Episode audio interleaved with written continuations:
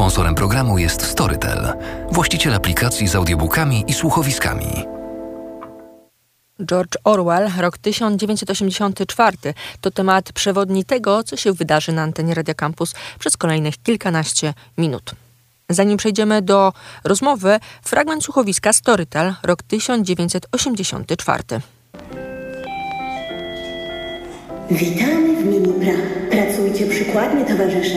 Jesteście obrońcami prawdy, partii i oceanii. E, Smith? E, Towarzysz Smith? Tutaj Nazywam się Tillotson. Polecono mi się do pana zgłosić, żeby przysposobił mnie pan do pracy w Ministerstwie Prawdy. e, będzie pan pracował w Departamencie Danych? Owszem. To pańskie biurko, a to dyktapis, urządzenie do zapisywania wypowiadanego tekstu. Będzie pan na głos wprowadzał poprawki do zawierających błędy zapisów, artykułów i innych publikacji. Odpowiada pan za poprawność historii. Ile dokumentów poprawia pan w ciągu dnia? No różnie to bywa. Czasem kilka, czasem kilkanaście. Niektóre zadania są bardziej skomplikowane od innych. Jeśli błąd dotyczy liczb, to łatwo go sprostować.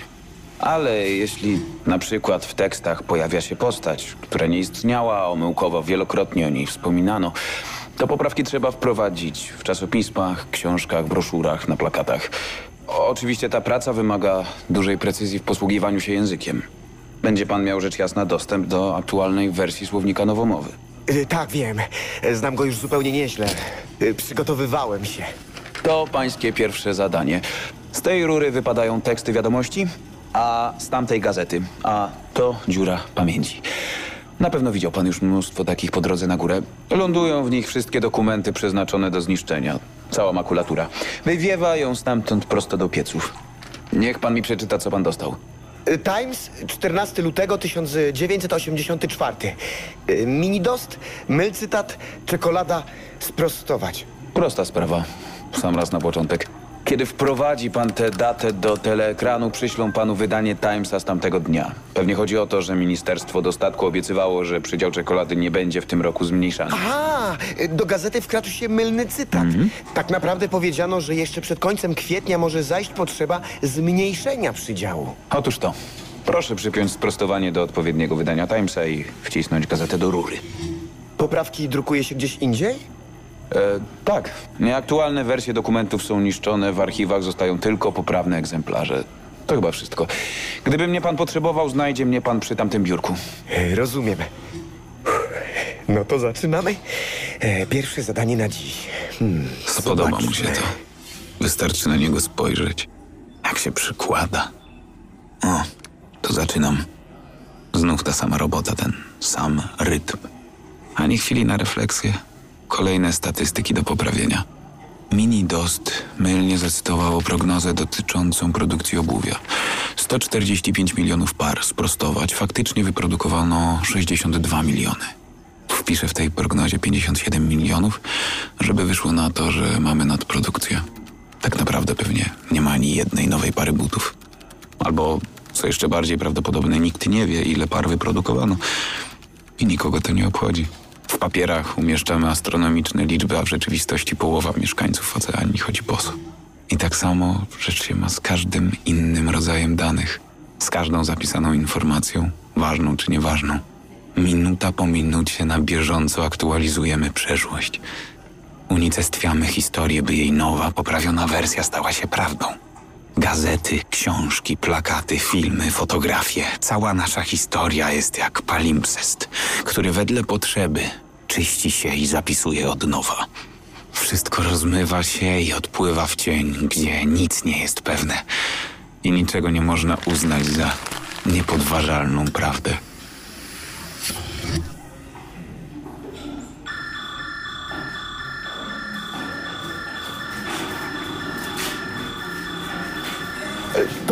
E, co się dzieje? Dwie minuty nienawiści. Codziennie o 11. Niech pan przesunie krzesło pod duży teleekran. Ach, tak, o, oczywiście. Kolejna odsłona naszych rozmów wokół roku 1984 George'a Orwella. Przed chwilą fragment e, słuchowiska. Tutaj można powiedzieć, że poznajemy nowego pracownika Ministerstwa Prawdy. Bardzo ciekawy wątek o tym, czym się zajmował, co mieliście okazję usłyszeć. Ze mną Ania Karczewska, e, promotorka czytelnictwa, audycja Albo Poczytam. Dzień dobry, cześć. Dzień dobry. W poprzednim e, programie rozmawiałyśmy już o Orwellu, o znaczeniu i jego e, książek, i jego samego e, dla literatury. Dzisiaj chcę się skupić przede wszystkim na roku 1984, też w tym polskim aspekcie, bo to, co powiedziałaś tydzień temu o wątku polskim, mhm. bardzo interesujące jest i mam nadzieję, że za chwilę do tego też wrócimy, ale może spróbujmy najpierw e, tak zarysować, jak to wyglądało w Polsce z i tłumaczeniami, i w ogóle wydaniem roku 1984? No bo, e, szanowne, szanowni, pewnie pamiętacie, zdajecie sobie sprawę, że kiedy książka się ukazała w 1949 roku, e, do pierwszego tłumaczenia w 1953, no wydaje mi się, że w Polsce ten taki jakiś przeciętny Kowalski nie mógł nawet marzyć, że dotrze do niego e, taka książka. Jak to wyglądało? Nie, no absolutnie nie. W ogóle e, Orwell był na, w cudzysłowie na indeksie e, tej stalinowskiej Rosji radzieckiej. I, i, I, w ogóle jego postać i jego wszystkie teksty były totalnie zakazane. W Polsce oczywiście dokładnie tak samo. Ale wiadomo było, jak w 1949 ukazał się mm, Orwell, ten 84, to wiadomo było, że to jest książka ważna i historyczna. E, jest to krytyka systemów totalitarnych. E, nie zapominajmy, że nie tylko e, komunizmu, ale i stalinizmu, ale również jakby to, co zrobił Hitler i Holokaust i to, co się działo w III Rzeszy, również podchodzi pod krytykę Orwella, bo to jest połączone, połączenie dwóch światów, a w ogóle napisał to w, w dzięki, znaczy dzięki temu, tylko przez to, że, że walczył w, w Hiszpanii z, no, z komunistami. Więc jakby ta cała jego historia spowodowała, że no był taką persona non grata w, w całym tym bloku komunistycznym. Natomiast e, inteligentni ludzie, którzy mieszkali, Polacy, którzy mieszkali za granicą, e, emigracja, od początku wiedzieli, że wydarzyło się coś ważnego, jak ta książka się ukazała. I bardzo szybko zaczęli pracować nad tym, żeby ten tekst przełożyć. I już w 1953 ukazał się e, przekład Juliusza Mierzewskiego, ukazał się w Rzymie. E, no i oczywiście wiadomo było, że ten, te książki, tego przykłady jakoś do Polski trzeba e, dostarczyć, bo nie ukrywajmy, nie było tak, że, e, że ludzie w Polsce nie czytali tych książek. Ludzie je znali. Mamy artykuły niesławnego Zygmunta Micnera, takiego moim zdaniem szczekacza ustroju komunistycznego w Polsce, który pisał o tym do swoich kolegów, taką odezwę jakby prasową, że no, szanowni panowie, koledzy, towarzysze, no wszyscy czytają tego cholernego Orwella i Huxleya i tak dalej, no co się dzieje? Jakby dlaczego nikt jeszcze tego nie skrytykował? A oni nie mogli tego skrytykować, bo oficjalnie się to jakby nie ukazało. Nie ma, nie było tych książek. Natomiast e, no, no, no taki właśnie... E, bardzo zabawne, bo to przypomina nam e, totalnie, rok 84. Tak, totalnie to jest Orwell, prawda? Że nie można o czymś mówić, ale w zasadzie powinniśmy o tym powiedzieć, żeby ludzie tego nie czytali. To jest w ogóle wspaniałe. E, historia zna, zna wiele takich przypadków. E, no i ten Mieroszewski w tym 53 roku przetłumaczył tego Orwella i, e, i ten przekład jakby chodził w cudzysłowie po, po inteligencji e, i w Polsce i za granicą polskiej. Natomiast potem w 88 roku, czyli e, rok przed upadkiem e, komuny, ukazało się pierwsze oficjalne wydanie 84. Ukazało się w Państwowym Instytucie Wydawniczym, natomiast ono było cenzurowane, no bo wiadomo było, że jakby bez przesady z, tym, z tą wolnością słowa. I ciekawe jest to, i 84 jest czytany mm, nieustająco, mam wrażenie, przez ludzi. E, cały czas jest wznawiany, cały czas jest kupowany. Jest, e, w, tak jak już mówiliśmy w zeszłym tygodniu, na liście lektur obowiązkowych e, w liceum i technikum. Mam nadzieję, że młodzi ludzie go czytają, bo to jest no, ważna lektura bardzo. Natomiast to, ciekawa rzecz się wydarzyła w tym 2021 roku, czyli w zeszłym roku, że się ukazały dwa przykłady nowe 84. To jest taka rzecz dosyć nietypowa na polskim rynku ale też ciekawe jest to, że obaj tłumacze, czyli tłumaczka Dorota Konowrocka-Sawa i Robert e, Sodół, który, przepraszam, który jest e, jednym z moich ulubionych tłumaczy z angielskiego, zostawili te, te tłumaczenia, te, tą nowomowę e, i ten myśl o zbrodni i te zbitki słowne, które wymyślił Juliusz Mieroszewski w tym 53 roku. E, jako takie już no, po prostu nie do ruszenia, bo obowiązujące w, e, w naszym języku codziennym. No. Tak jak ten właśnie wielki brat, który patrzy, nie? Już po prostu wszyscy powtarzają te, te, te frazy, albo wszystkie zwierzęta są równe, ale niektóre są równiejsze. Ludzie to powtarzają, nie wiedząc nawet bardzo często, e, gdzie jest źródło tego, tego powiedzenia, czy tego słowa, czy tego sformułowania. Trudno byłoby to zmienić. Mhm. Ania Karczewska cały czas ze mną. E, rozmawiamy o roku 1984 George'a Orwella. Był taki rys historyczny e, przed chwilą. Opowiedziałaś właśnie o tych tłumaczeniach i o tym, jak e, Orwell, ta książka 84 rok w Polsce była, jednak jej nie było. To taka Mhm. magia komunizmu. E, Ale powiedz mi, jeszcze tutaj chwilę przed anteną rozmawiałyśmy o bardzo ciekawych wątkach, jak można powiedzieć, dostarczano e, ten tekst e, no, takim przypadkowym ludziom, bo mówiłaś o tym, że e, inteligencja, czy, czy ci, którzy mm, no, musieli z Polski uciekać, gdzieś tam byli na emigracji, mieli dostęp do e, roku 1984.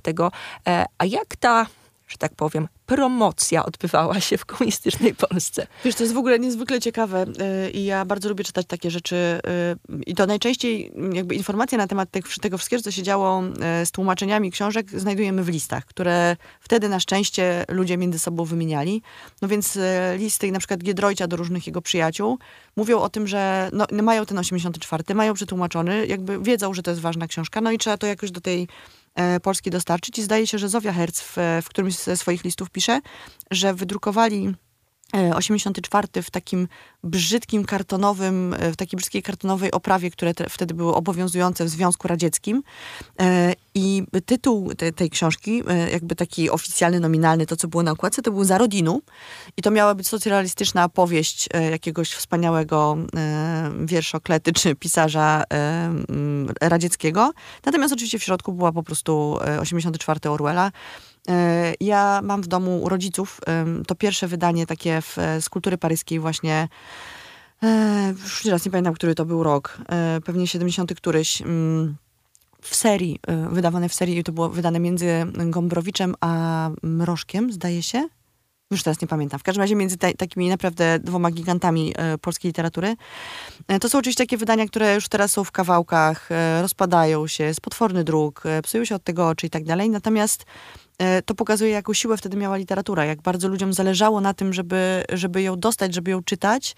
Chociaż na początku odbiór tego Orwella był wyłącznie w tej takiej grupie inteligentów, intelektualistów. Jakby do takiego przeciętnego czytelnika e, Orwell trafił już jako, nie wiem jak to ładnie powiedzieć, już jako rzecz wpisana w popkulturę trochę. Jako powieść science fiction, e, jako właśnie dystopia, jako już taka ugruntowana, e, ugruntowany tekst kultury. No i został jakby, myślę, że na stałe, bo były przecież filmy, są komiksy, no reality show Big Brother również. E, Jest tego naprawdę sporo i ta wyobraźnia Orwella cały czas żyje w e, wyobraźni e, społecznej po prostu. Ostatnie pytanie. E, Może ogromne, może e, trudne, ale spróbujmy.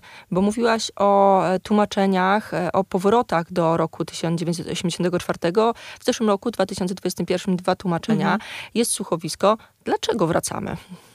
Wiesz, no to nawet nie jest trudne pytanie. Y, Ja trochę się wzbraniam i trochę mnie to złości, i trochę mnie to śmieszy, jak mówi się, że żyjemy w e, rzeczywistości Wielkiego Brata teraz i że w ogóle e, nasze państwo jest w ogóle prawie takie jak rzeczywistość z 84 Orwella. No nie przesadzajmy. W sensie najpierw przeczytajmy tę książkę, a potem mówmy takie rzeczy.